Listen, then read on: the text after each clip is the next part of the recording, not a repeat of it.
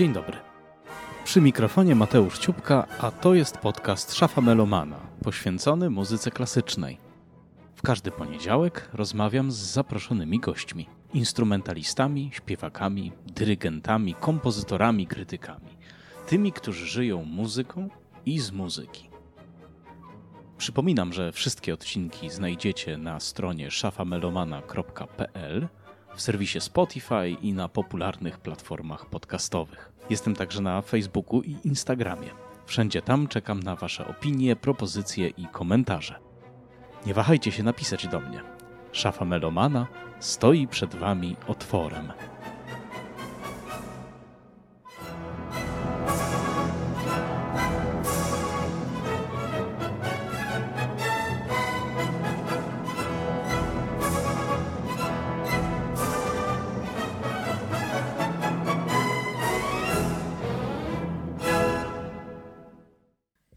Komponowanie zawsze będzie echem inspiracji. Improwizacja jest żywą inspiracją, czymś, co dzieje się właśnie w tym momencie. Nie bój się błędów, nie ma czegoś takiego jak błędy. Powiedział niegdyś Miles Davis. Przywołuje cytat jednego z największych jazzmenów w historii, ale improwizacja jest czymś dużo starszym niż jazz. Gdy niedawno Andrzej Jagodziński przesiadł się z Chopina na Bacha, miałem takie wrażenie, że zrobił to właśnie dlatego, że Bach był jednym z największych jazzmenów w swoich czasach, y, w tym sensie, że był jednym z mistrzów improwizacji, która właśnie dla jazzu przecież jest kluczowa. Na pewno w jednym odcinku nie uda nam się ugryźć całości tego zagadnienia, czyli zagadnienia improwizacji. Na pewno w jednym odcinku y, nie mm, przepłyniemy przez y, ten ocean, mm, któremu na imię improwizacja, ale spróbujemy wspólnie z naszym gościem choć trochę odpłynąć od brzegu na jego szerokie wody. A gościem tym jest znany wam już gitarzysta, kompozytor i właśnie improwizator Michał Lazar. Witam cię Michale. Mm, dzień dobry, witam państwa i witam Mateusza Ciupka. Zaczniemy naszą rozmowę inaczej niż zwykle, bo ja teraz nie zadam ci e, podchwytliwego i trudnego pytania, e, z którego słynie podcast Szafa Melomana, e, ale ten śmiech jest nie na miejscu. Ale zaczniemy od muzyki, a zaczniemy od muzyki z twojej płyty, która nosi tytuł... Z miasta historii. To jest płyta, twoja debiutancka płyta. Tak. Solowa. Tak. No bo twoje granie pojawiało się już na innych płytach. Tak, ale to jest płyta właściwie nie do końca solowa, bo pojawia się tam również głos Błażeja Peszka. A, no właśnie. Ale powiedzmy, że muzycznie jest solowa, ponieważ Błażej Peszek tam nie śpiewa, a jedynie mówi i mówi i mówi. A jeśli dobrze rozumiem, teraz usłyszą Państwo numer trzeci pod tytułem Droga. Tak jest, do słów e, Barbary Grzybek, Błażej Peszek, Michał Lazar. Słuchamy. Idę szybko. Nie rozglądam się na boki. To niebezpieczne. Można zobaczyć szumiącą złowrogo czerń, opłotki, zagajnik, śmietnik. Dobrze, że śpią. Śpieszę się. Między choinką a kominkiem czeka na mnie święty w kapturze wetkniętym w akwamaryn, zerka z pomiędzy plątaniny kabli. Na zakręcie puszcza do mnie oko, potem znika w światłach miasta. Mamy jeszcze kilka świtów, zanim włoży nowy habit. Ja poczekam niecierpliwie, aż zawoła kurantami.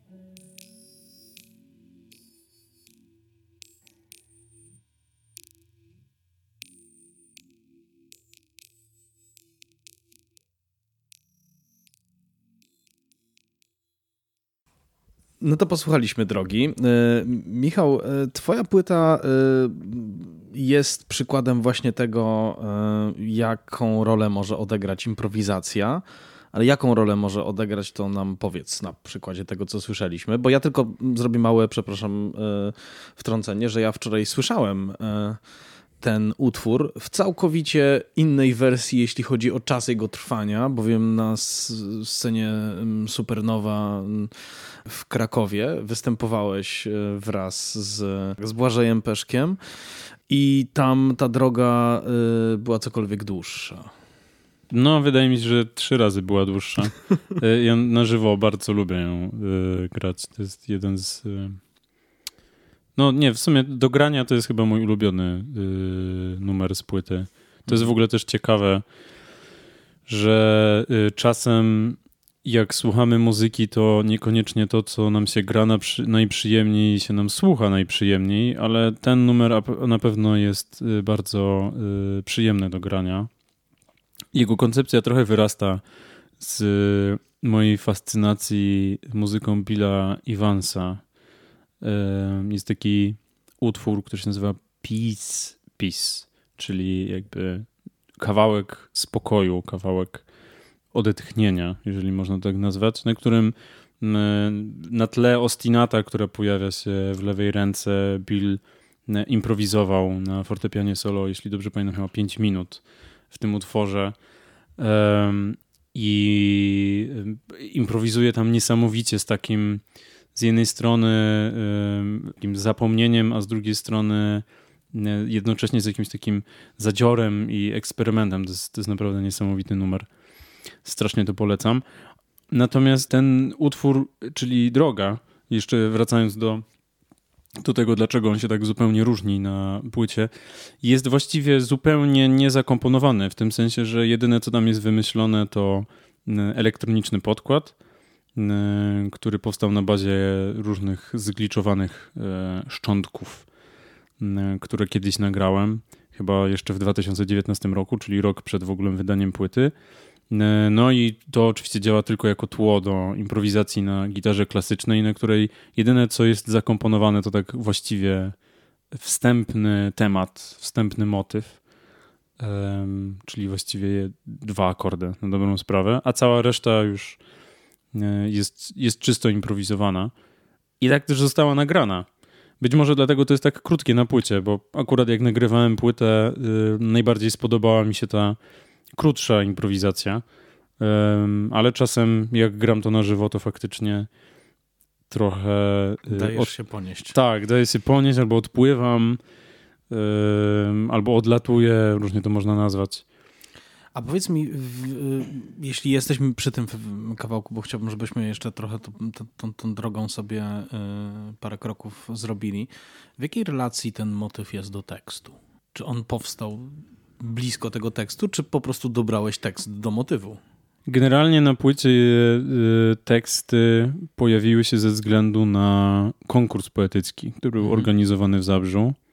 Te teksty bardzo długo siedziały gdzieś w mojej głowie. Oczywiście bardzo chętnie bym tutaj Państwa zaskoczył jakimiś analitycznymi wypowiedziami na temat tego, w jaki sposób e, muzyka interpretuje ten tekst. Tak się oczywiście nie dzieje. Wydaje mi się, że tak zupełnie szczerze ludzie, którzy twierdzą, że mają jakiś bardzo świadomy pomysł na to, jak interpretują muzyką tekst, są po prostu hochsztaplerami albo próbują udawać, że faktycznie to tak działa, bo to tak nie działa. Mhm. E, muzyka powstaje raczej intuicyjnie, zwłaszcza jeśli mówimy o utworze, który jest w pełni improwizowany. W tym wypadku e, długo, bardzo długo nie wiedziałem tak naprawdę, czym te teksty dla mnie są. Bardzo długo się pamiętam, że nad tym zastanawiałem, chyba, chyba dobre kilka miesięcy. I tak na naprawdę złapałem o co, o co mogłoby tutaj chodzić dopiero jak spotkałem się z Błażejem Peszkiem.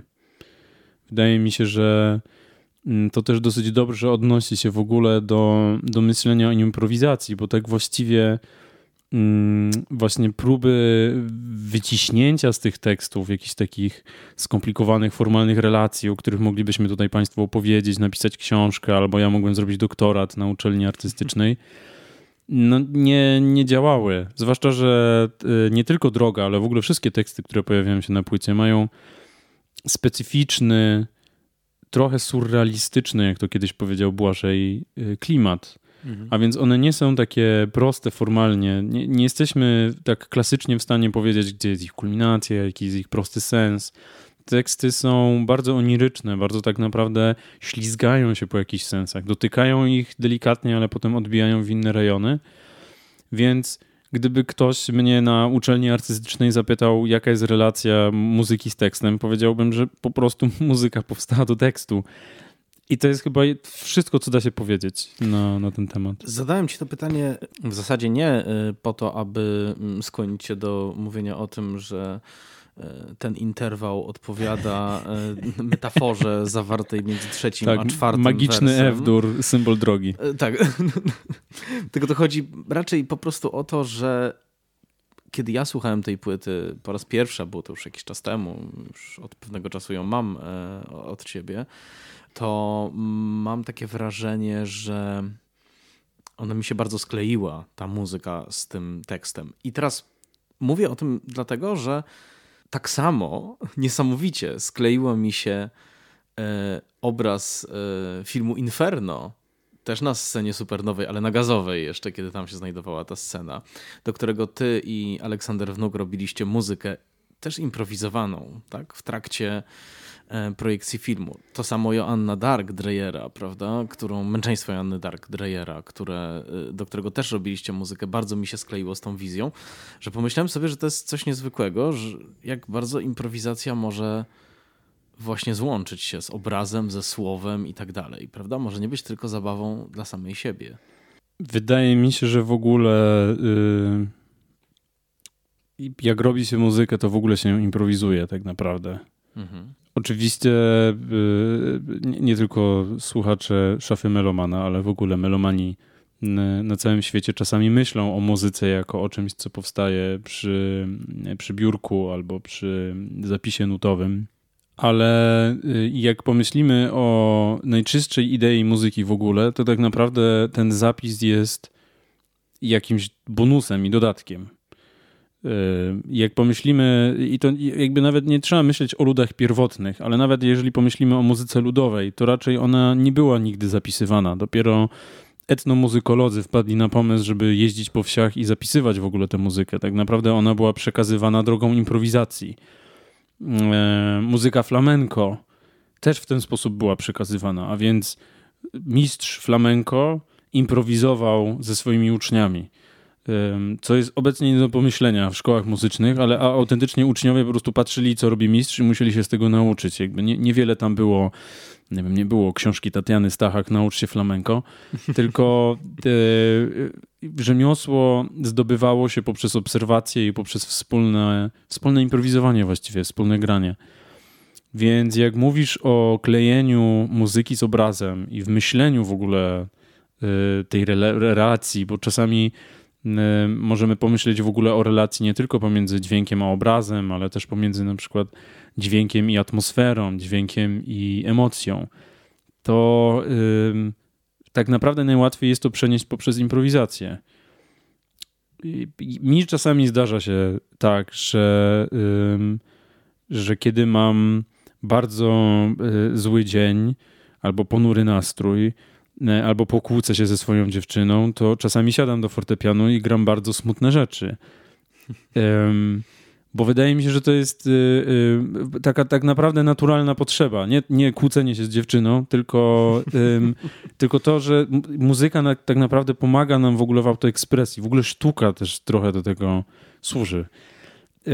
więc jak na przykład myślę o tych improwizowanych seansach, które od, odwalaliśmy z Aleksandrem Wnukiem. Mówię odwalaliśmy, bo to czasami były naprawdę e, ciekawe rzeczy i, i, na poziomie takiej, e, takiego wręcz zwariowania artystycznego, e, jak pomyślę o tych akcjach, to, to tak naprawdę najczęściej myśleliśmy o tym, co ten obraz nam daje, co ten obraz nam robi, co ten film nam w ogóle robi. I pamiętam, że jak w ogóle zaczynaliśmy improwizować muzykę do filmów, to czasami siedzieliśmy, analizowaliśmy sceny, mówiliśmy o motywach. co pewnie wynika z tego, że obaj mamy doświadczenia akademickie, więc ktoś nam po prostu wmówił, że robienie muzyki w ten sposób jest na pewno super. Że siądziemy przy stole, będziemy o tym mhm. no, będziemy o tym gadać, bardzo dużo będziemy o tym gadać i na pewno z tego gadania coś, coś e, wyniknie. Nie chcę tutaj powiedzieć, że z tego gadania nic nie wynika, bo u niektórych być może coś z tego wynika, to jest okej. Okay. Mhm. Ale prawda jest taka, że muzyka powstaje poprzez granie jej albo śpiewanie i um, jej komponowanie jest tak naprawdę jakimś takim dodatkowym procesem, procesem, który następuje później. Ja przynajmniej tak myślę o muzyce, że najpierw ją improwizuję, najpierw ona ze mnie wypływa naturalnie. Um, teraz tak myślę o tym, że zacząłem się skupiać na tym złym aspekcie, ale czasami jak jestem szczęśliwy, to improwizuję wesołe melodie, także proszę nie myśleć o tym, że wymyślam same smutne. No ale generalnie jest tak, że jest to jakaś autoekspresja i z tymi filmami, i z tymi tekstami jest tak samo.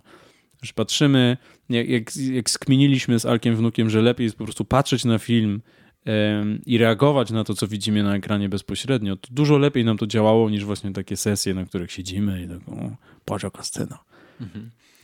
Tutaj zrobimy takie tempo albo taki efekt, nie? Czy coś Tak, albo nie daj Boże jakaś figura mhm. retoryczna. No tak. Oczywiście to nie jest tak, że. Y, bo teraz z tego, co ja mówię, być może wynika, że w ogóle. Że pasje bachowskie są do. Do, do niczego. I w ogóle komponowanie, komponowanie jest na śmietnik. W ogóle no. nikt niech nie idzie do szkoły muzycznej, do akademii. Że w ogóle mhm. wszystko jest B, B, B, B, B i tylko improwizacja. To oczywiście tak nie jest. Proszę brać poprawkę na to, że ja przeszedłem całą edukację, która trwała niecałe 20 lat mojego życia, a improwizuję dopiero od kilku, więc y, improwizacją się teraz jaram jak mały dzieciak, a, mm, a edukacji muzycznej mam trochę dość.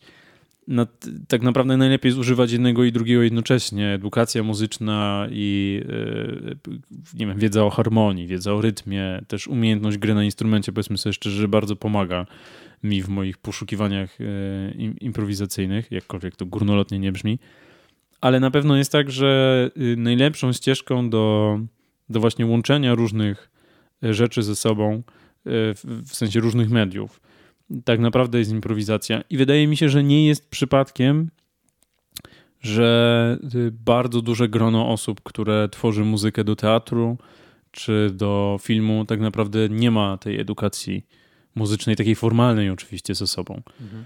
Bo większość z tych ludzi tak naprawdę muzykę tworzy dużo bardziej intuicyjnie. Jest to dla nich dużo bardziej naturalny proces niż dla kogoś, kto w szkole muzycznej słuchał o tym, jak ją się powinno robić i miał przede wszystkim doświadczenie z nutami. Więc y, z moich przynajmniej obserwacji wynika, że y, reżyserzy czy reżyserki czasami dużo bardziej wolą współpracować z kimś, kto reaguje dużo bardziej intuicyjnie. Kto popełnia przez to błędy, ale czasami z tych błędów wynikają piękne rzeczy jest to czasami dużo lepsze i dużo żywsze na, na poziomie jakiegoś takiego procesu artystycznego, ponieważ osoba, która o muzyce głównie gada i będzie ją zapisywać w nutach, y, prawdopodobnie nie będzie brała udziału w jakimś kolektywnym wydarzeniu, jakim jest robienie sztuki po prostu.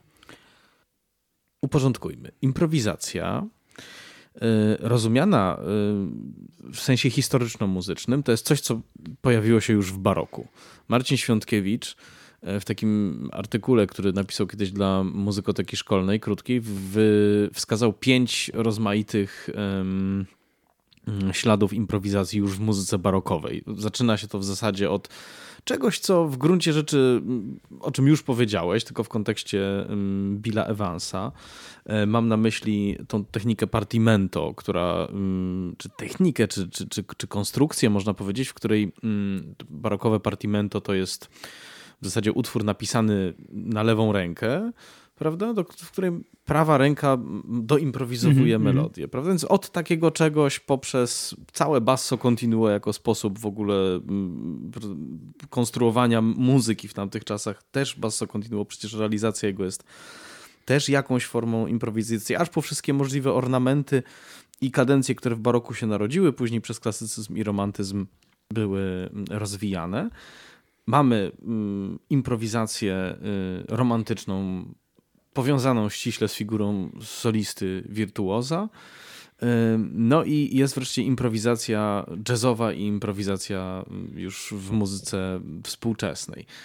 Ja teraz zrobiłem pewnie 100 razy za krótko to powiedziałem i nie tak jak należy, ale y, ch chciałem to narysować po to, żeby mm, żeby wyjść do, y, od, od, tej linii do pytania, które mam do ciebie, to znaczy czym dla ciebie jest improwizacja? Powiedziałeś, że się nią zajarałeś.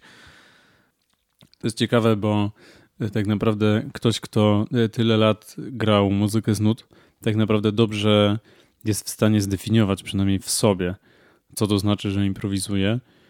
Um, więc gdybym ja miał to jakoś zdefiniować, to powiedziałbym, że y, improwizacja to jest po prostu granie z siebie. Mhm. To jest próba jakiegoś prawdziwego połączenia się z, z własną podświadomością albo z własną w ogóle nieświadomością. Złapanie jakiegoś kontaktu, który jest dużo bardziej głębszy wewnątrz niż na co dzień, jak, jak przeżywamy w ogóle to, co nas otacza. Niektórzy psychologowie nazywają to tak zwanym przepływem. W przekroju, chyba w marcu 2020, ukazał się taki wspaniały wywiad z psychologiem węgierskiego pochodzenia, którego nie będę próbował powiedzieć nazwiska, ponieważ jest ono niesamowite. Ale nie, też niesamowite jest to, o czym ten psycholog mówi, ponieważ dla mnie to było jakieś takie bardzo osobiste, że um, jeżeli człowiek robi to, co chce, to, co kocha, w taki sposób, jak chce, prawdopodobnie znajdzie się w sferze tak zwanego właśnie przypływu, a więc momentu, w którym jego mózg działa na trochę innym poziomie. Być może y, słuchacze znają ten moment, kiedy czujemy się trochę jakbyśmy byli w innej przestrzeni, trochę poza sobą i jedyne co istnieje to my i to co właśnie wykonujemy. Niektórzy nazywają to inspiracją, ale jest to wydaje mi się trochę nieszczęśliwe słowo, bo prawda jest taka, że niektórzy mogą to przeżywać grając w tenisa albo robiąc obiad. I to też jest y, bardzo spoko. Jakby, jak, jakby bardzo polecam robienie obiadu. Ale y, dla mnie ten moment przepływu jest na pewno jak ja improwizuję. On jest jakiś taki wyjątkowy i mam wrażenie, że łączę się wtedy nie tylko z instrumentem, ale w ogóle ze sobą w jakiś, jakiś taki trochę inny, inny sposób. Przedstawiłeś teraz taki punkt widzenia na improwizację solistyczną, ale przecież y, mamy jeszcze improwizację w zespole.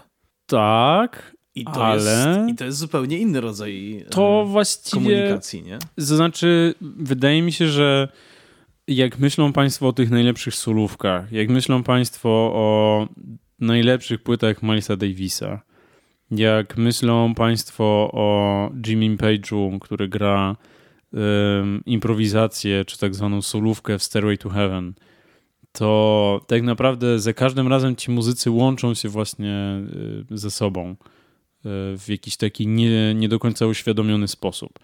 Zresztą jest taka dosyć ciekawa płyta y, Beaches Brew, która jest właściwie dosyć klasykiem, też Milesa Davisa właśnie, gdzie muzycy nie mieli już nawet za bardzo notatek co do harmonii, którą mają grać. Jedyne co mieli, to, to mieli podany riff, E, który był na basie.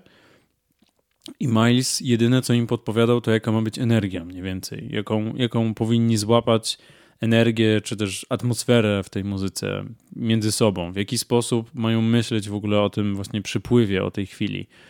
Um, więc nikt tam z tych nut nie gra, tylko oni wszyscy poddają się jakby tej atmosferze i poddają się tej chwili. Um, natomiast w sensie technicznym, no na pewno jest tak, że jeżeli improwizuje się solo, to ma się dużo więcej swobody, nie trzeba nikogo słuchać, nie? Jakby mamy, jak mamy Kifa Jareta i jego klasyczny koncert z y, Köln. O, bardzo czy, się cieszę, to do tego chciałem w ogóle solowe, dotrzeć, tak, tak. solowe mhm. koncerty Jareta, na których on gra po prostu solo improwizacje i to jeszcze mhm. swobodne improwizacje, które nie są oparte na tematach, które on przygotowuje wcześniej, które dałyby mu jakiś bezpieczny grunt pod nogami, tylko on faktycznie na tych wszystkich koncertach po prostu gra z siebie, nie? jakby z, mhm. ze swojej czystej podświadomości. E, no więc tam faktycznie Keith Jarrett nie musi się w ogóle przejmować zespołem. Nie musi też jakby łapać z kimś kontaktu. Na pewno to granie y, jest, jest, jest inne po prostu. Nie? No jakby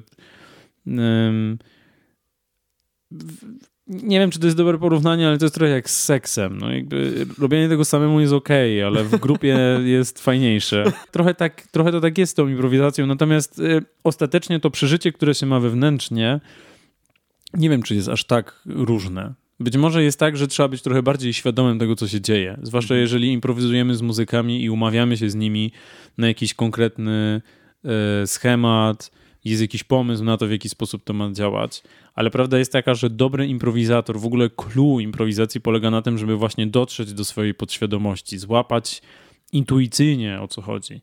Mhm. Mistrzostwo improwizacji polega po prostu na tym, że jesteśmy w stanie jednocześnie wejść w głąb siebie, oddać się zapomnieniu, a z drugiej strony pamiętać o tym, że mamy 16 taktów i musimy to tam zmieścić. No właśnie, bo teraz y, y, chcecie zapytać y, o to, czego byliśmy y, świadkami wczoraj. Y, to znaczy program, który y, był, zabrzmiał w drugiej części tego koncertu. program zwał się Fucking Jazz. Nie powiedziałem to tak. Wow. Powinienem kiedyś nagrać muzykę, jakby nagrać płytę Smooth Jazz i Mateusz Ciupka tym tonem będzie czytał Dziadę Mickiewicza. Zobaczymy, Zobaczymy, czy ktoś na to poleci. Zagramy, y, panie Lazar, kiedyś wspólnie na szklanej harmoniki kręgach. Ja wiedziałem, że, że polonista musi znać przynajmniej jeden dobry cytat z tego. No dobra, pana, ja znam, ja znam, więcej, ale nie dobrze, Cała, już.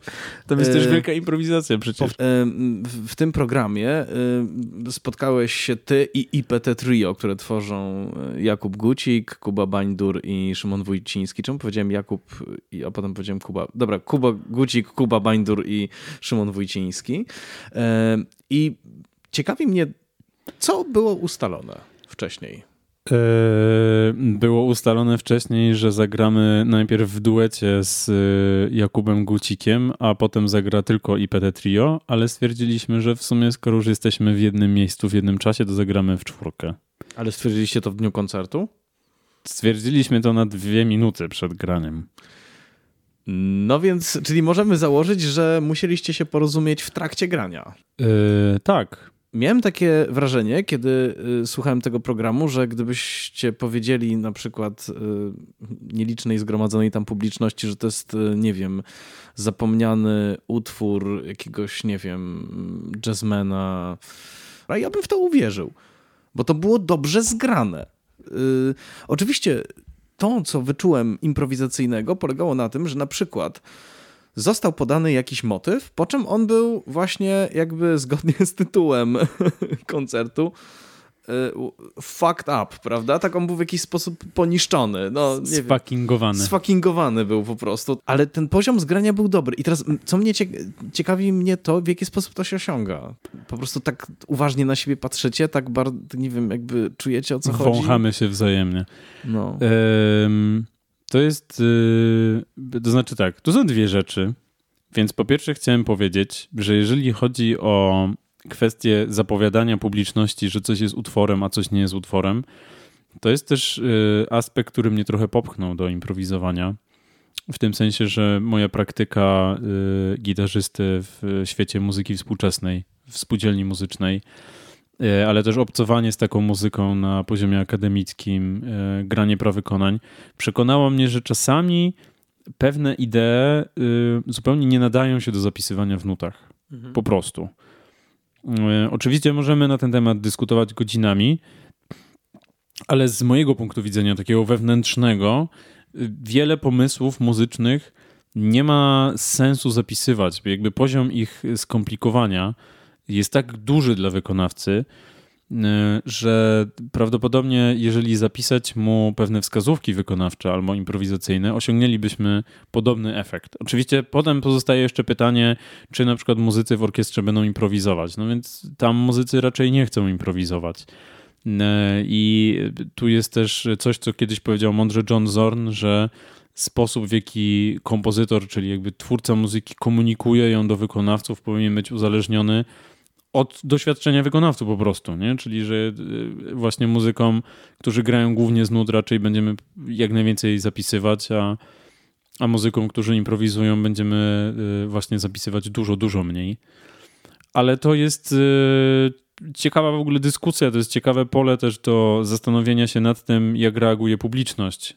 Y, jak bardzo zmienia się podejście publiczności, jeżeli powiemy, że to jest prawykonanie utworu, który znaleźliśmy w jakiejś szafie w latach 60. i że to był wczesny utwór Pendereckiego, a jak zareaguje publiczność, jeżeli będziemy po prostu mhm. grać swoje. To jest, y, to jest y, mega ciekawe.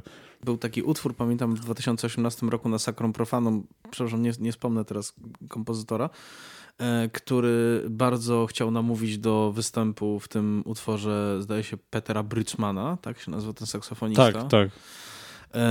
I y, było całkowicie wykluczone, żeby w całej partyturze tej kompozycji, która była mm, szczegółowo w miarę rozpisana, po prostu dać nuty, bo Brycman w ogóle nie gra z żadnych nut, po prostu to jest, on się nie, nie zgadza na to zwyczajnie.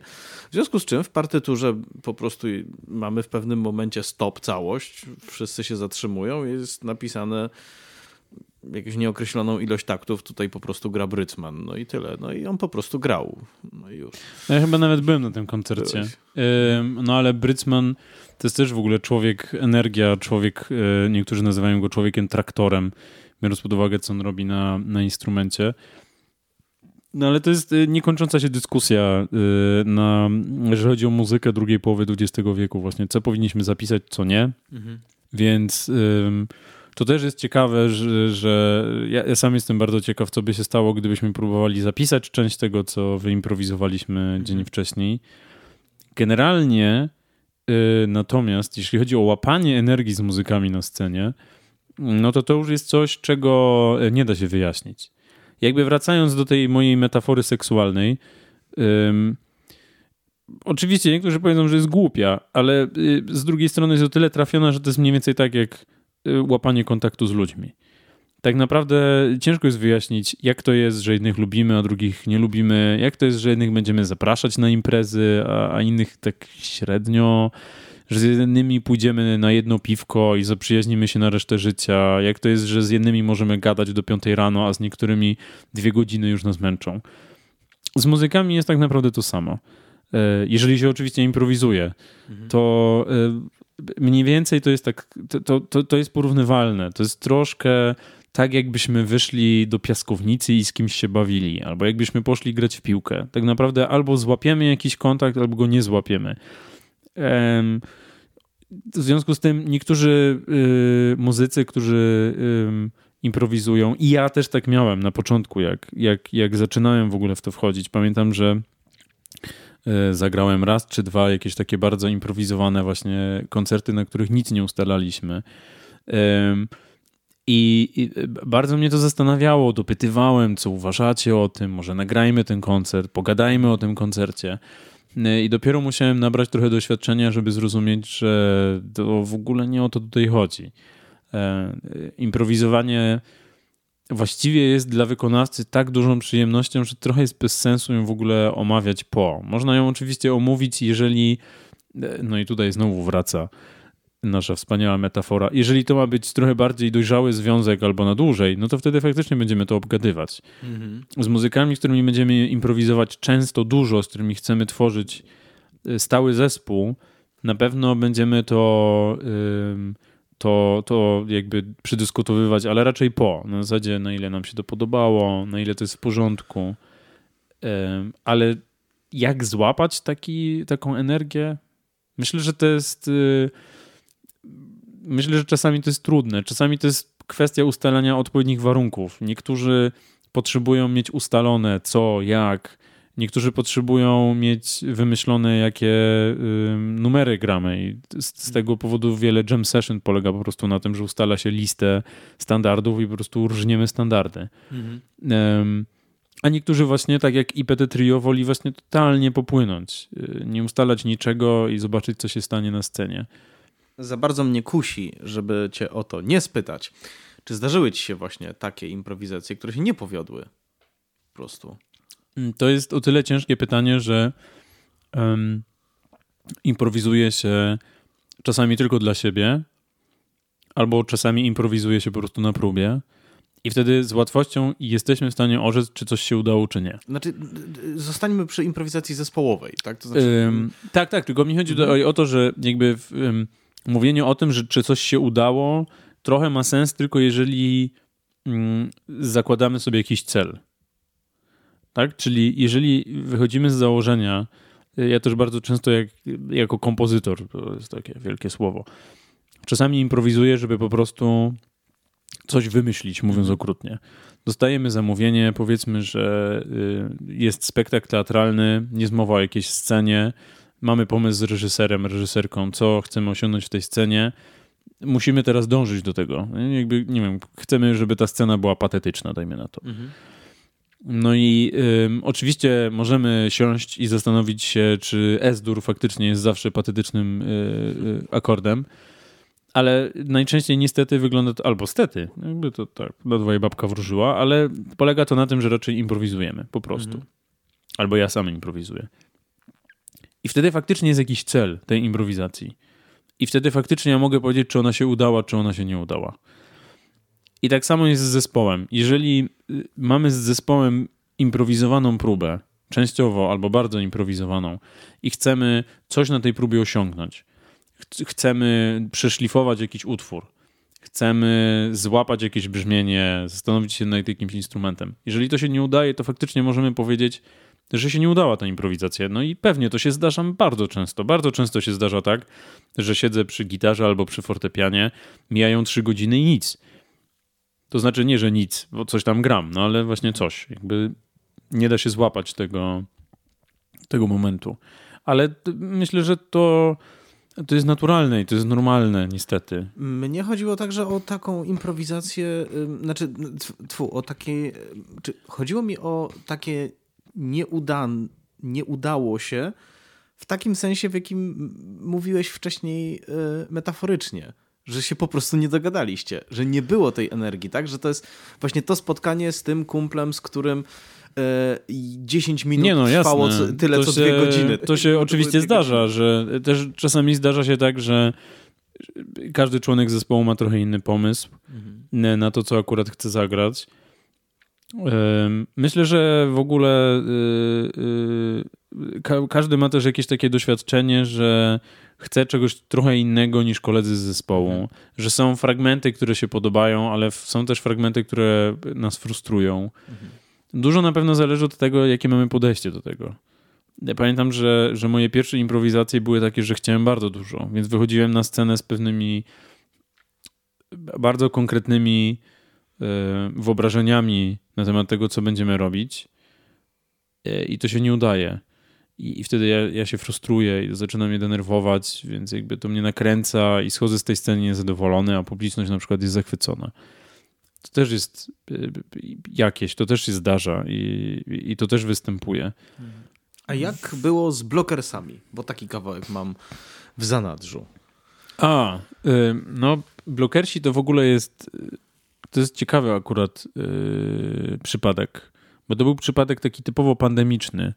Nie mogliśmy za bardzo grywać na żywo, niewiele się wtedy działo. To był Mm, to akurat było krótkie spotkanie, które właśnie było bez publiczności. Graliśmy w studio, e, siedziba spółdzielni muzycznej mieściła się jeszcze wtedy na osiedlu zielonym. Spotkaliśmy się w trójkę, ja, Aleksander Wnuk i Wiktor Krzak. Um, i, po prostu improwizowaliśmy, ale pamiętam, że tam były dosyć, e, było ileś konkretnych pomysłów ode mnie. Ja starałem się też tę improwizację ukierunkowywać, bo właściwie chodziło o muzykę do filmu animowanego, który powstawał w ramach partnerstwa w muzyce 2.0, tak się nazywał ten projekt KBF-u. Bardzo zresztą fajny, bardzo, bardzo pomagał e, w trakcie pandemii i nie, nikt mi nie płaci za to, co mówię. Naprawdę to był świetny projekt. KBF-ie, słuchaj mnie i zrób taki kolejny. Więc, więc blokersi właściwie w całości y, to był chyba set, który trwał 40 minut, jeśli dobrze pamiętam, i wyciągnąłem z niego najlepsze fragmenty. Y, ale utwór, który ostatecznie opublikowałem na SoundCloud, jest faktycznie zagrany y, od A do Z w taki sposób, jak go wtedy nagraliśmy, bez żadnych mo modyfikacji. Czasowych czy żadnych montaży. Aleksander Wnuk chyba z powodu epidemii miał wtedy fazę na instrument, który się nazywa koasyliator, więc ciężko rozpoznać go za tego brzmienia jako perkusistę. To jest bardzo mały, jeżeli ktoś nie wie, co to jest koasyliator, to jest bardzo mały syntezatorek. To nie jest syntezator, to jest syntezatorek, który wygląda jak pół Game Boya. Um, więc, yy, więc jest śmieszny, jest dziwny, jest zastanawiający, nie? ale w tym utworze daje jakiś taki ciekawy trans. Um, tak, no i to byli blokersi. To było jednorazowe spotkanie. Czemu blokersi? W ogóle wyjaśni tytuł. Aha, czy nie, czy, czy on jest niewyjaśnialny? Nie, nie, on jest wyjaśnialny w tym wypadku, bo właściwie koncept tego filmu animowanego polega na tym, że pojawiają się tam ręce Michała Lazara i te ręce Michała Lazara y, bawią się mazakami, y, ołówkami i różnymi innymi przyrządami y, na zdjęciach krakowskich zabytków architektury. I do tego. You bastard. Jest. I, i, i, w, I w tle tego całego filmu jest jeszcze moja dyskusja z, z, z cudownym i wspaniałym Piotrem Urbanowiczem na temat mieszkania w bloku i mieszkania w kamienicy i, i o co w ogóle w tym chodzi i co to znaczy, że my gdzieś mieszkamy. Tam są takie bardzo grube rozkminy. Um, ja nie wiem, czy KBF y, to zostawił na Play Kraków, czy to wyrzucił. Ten film był bardzo ciekawy i bardzo dziwny i bardzo zastanawiający, ale nas bardzo cieszył. I nas ta rozmowa cieszyła, i to granie nas cieszyło. No i stąd się wzięli blokersi, no bo film właściwie jest trochę o tym, co to w ogóle znaczy żyć w bloku. No to posłuchamy blokersów. Co prawda mm, kawałek, który teraz zapodamy, nie będzie y, zawierał tej, tej rozkminy, ale jeżeli znajdziemy ją na platformie Play Kraków. Tak, już, już, wiemy, czym po... Mateusz Czubka powinien się wieczorami zajmować zwiastunami do Play Kraków.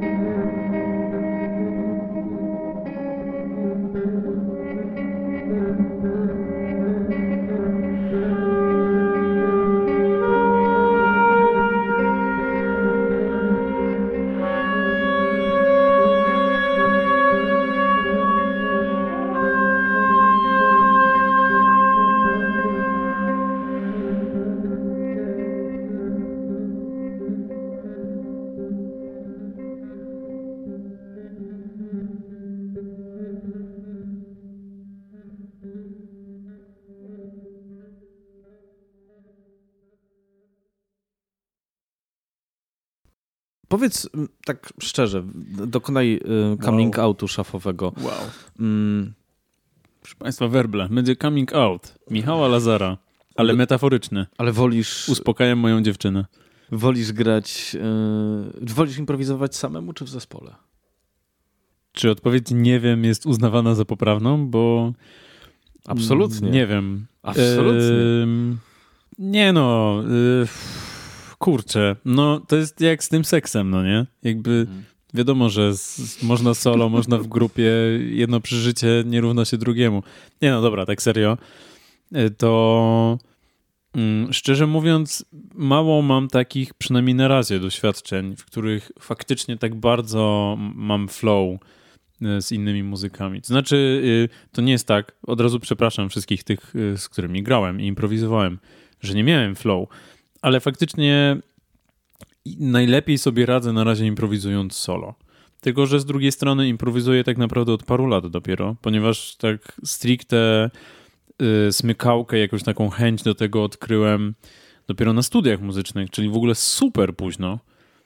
Um, czyli co to jest? Tak, nie prze, przepraszam, ja, ja, ja tu się wtrącę, bo to jest rzecz, o której rozmawialiśmy już zdaje się kilkakrotnie, chyba w każdym w zasadzie odcinku szafy Melomana poświęconym czemukolwiek związanemu z muzyką współczesną, że mamy w edukacji muzycznej poważną lukę, jeśli chodzi o improwizację, bo jeśli się nie mylę, muszę to jeszcze sprawdzić, improwizacja e, na fortepianie, zdaje się, jest, e, jeśli chodzi o średnie kształcenie muzyczne, tylko przywilejem rytmiczy. Jezus Maria, co ja zrobiłem teraz? Klasy rytmiki pa panowie rytmiczkowie też mogą być, prawda? Ja, ja, nie wiem, czy, czy pianiści mają improwizację? Chyba nie. E, z improwizacją jest bardzo źle na, e, i na poziomie szkoły muzycznej, i na poziomie uczelni. Chociaż z jednej strony ja tak narzekam, a z drugiej strony w katedrze gitary i harfy mieliśmy improwizację przez rok z fantastycznym Krzysztofem Cyranem, którego bardzo serdecznie pozdrawiam, o ile nas słucha. I ta improwizacja była fajna, tylko było jej po prostu za mało. No ale to zastrzeżenie, przepraszam, które teraz zrobiłeś, to jest, tak mi się wydaje, mm, jeśli się nie mylę, e, są tacy nauczyciele y, w Polsce, którzy głośno mówią o tym, że improwizacja powinna być przed zapisem. Tak, no, że tak, małe dzieci powinny, powinny improwizować właśnie. Tak, jakby, że to jest ta radość tworzenia. Tak, tak? Od, Bo... od, od bardzo dawna powtarza na przykład y, Szabok z Esteny z Uniwersytetu Muzycznego w Warszawie, który y, uczy w ogóle improwizacji i świetnie improwizuje i jest fantastycznym człowiekiem i z jakiegoś powodu to ministerstwo go nie słucha. Jasne, że tak. W ogóle powinniśmy y, w ogóle być może powiedzieć o tym, że każdy człowiek na świecie tak naprawdę ma jakąś smykałkę do improwizacji, w ogóle artystycznej, do autoekspresji artystycznej. Każdy z nas, gdyby dać mu taki wolny wybór, to najchętniej przez całe życie zajmowałby się tańczeniem tego, co chce, rysowaniem tego, co chce, mówieniem tego, co chce i graniem tego, co chce. Niektórzy mają do tego lepszy talent, niektórzy mniejszy, niektórzy łatwiej łapią pewne zasady i niektórzy robią to na tyle dobrze, że inni chcą za to zapłacić. Ale ostatecznie tak naprawdę w głębi duszy każdy ma jakiś potencjał, nawet minimalny, artystyczny. Oczywiście, że powinniśmy od tego zaczynać w ogóle w szkołach, nie tylko artystycznych, ale w podstawowej i w średniej, powinno się tych uczniów do tego nakłaniać. Każdy człowiek powinien chociaż spróbować podejść do tego, y, do tego tematu i niekoniecznie się do tego zrażać. Ja na przykład pamiętam z tej drugiej właśnie strony, nie z tej muzycznej, ale pamiętam ze strony plastycznej, że y, bardzo chciałem robić tego typu rzeczy i mnie to w ogóle strasznie kręciło. No ale spotkałem na przykład nauczycielkę, która powiedziała, że brzydko rysuje. No i być może miała rację, że brzydko rysuje. I ja z tym dyskutować nie chcę. Ja jej nie chcę obrażać ani jej gustu. Tylko pytanie jest takie, po co jest ta edukacja?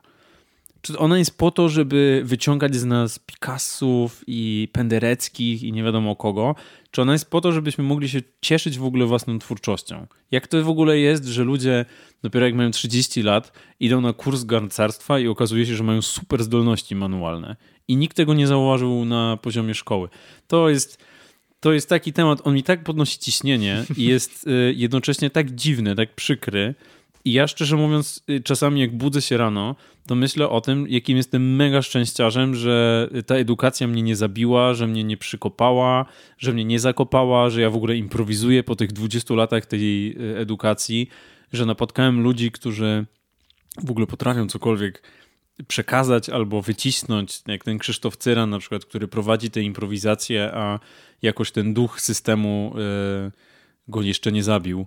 To jest niesamowite i ja mam wielki szacun dla, dla takich ludzi, bo to jest naprawdę. Ja nie potrafię być nauczycielem w tym systemie.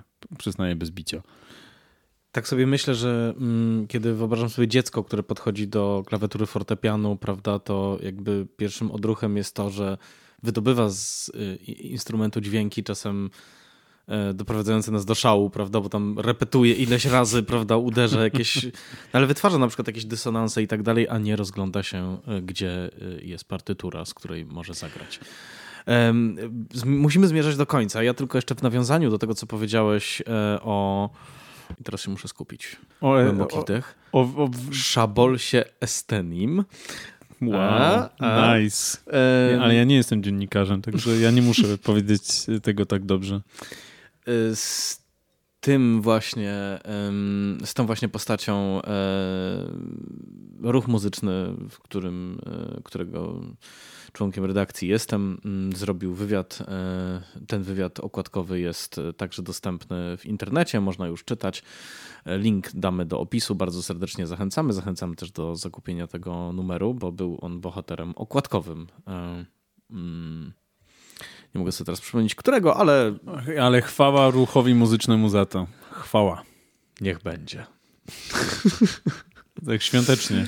E, ale ja ci przerwałem. Czy chcesz jeszcze powiedzieć jakąś wspanialszą puentę niż ta moja odsyłająca e, do ruchu muzycznego zawierająca lokowanie produktu w szafie?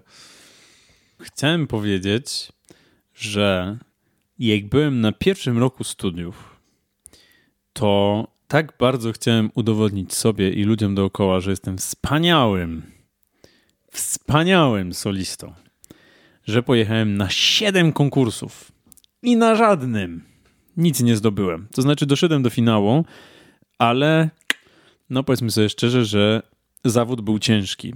Zwłaszcza, że przypominam, że rok akademicki trwa 10 miesięcy, minus święta i minus przerwy, więc wychodzi średnia jeden konkurs miesięcznie.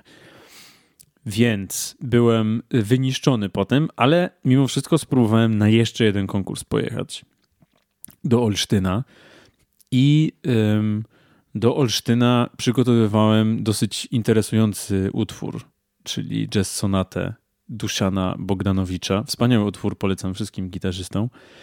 I tam w tym utworze y, jest taka dosyć nietypowa sprawa, jak na utwory y, klasyczne.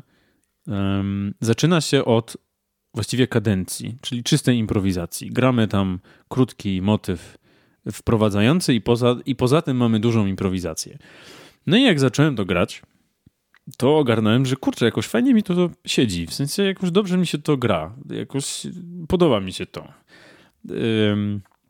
Zacząłem rozmawiać z innymi gitarzystami i niektórzy zaczęli się pukać w głowę, bo trzeba przyznać, że na konkursach y, w ogóle wykonawczych, instrumentalnych jakby jest y, y, no, ryzykowne, bardzo ryzykowne, żeby improwizować.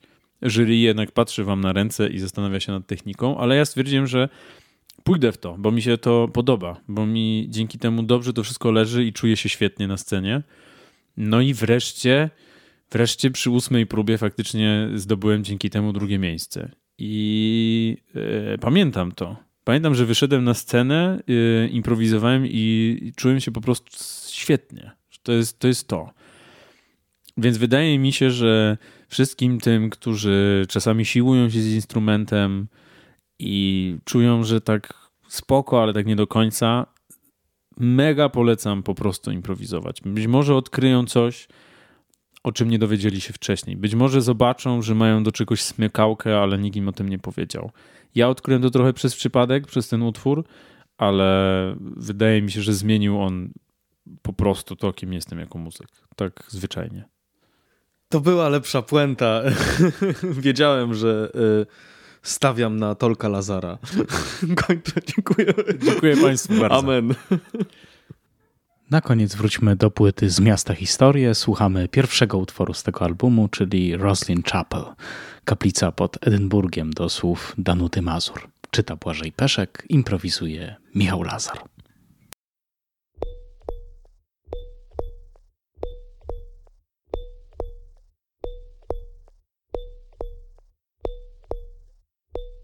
Przy ołtarzu dwa filary. Ten po prawej, wykuty przez mistrza. Regularny kształt wzorów symetrycznie wznosi się ku sklepieniu. Perfekcyjnie wykute ozdoby stabilne podstawy. Ten po lewej dzieło czeladnika. Misterne ozdoby oplatają jak liście tajemniczego drzewa. Czaruje smukłym kształtem, kolistym ruchem, unosi spojrzenie do nieba.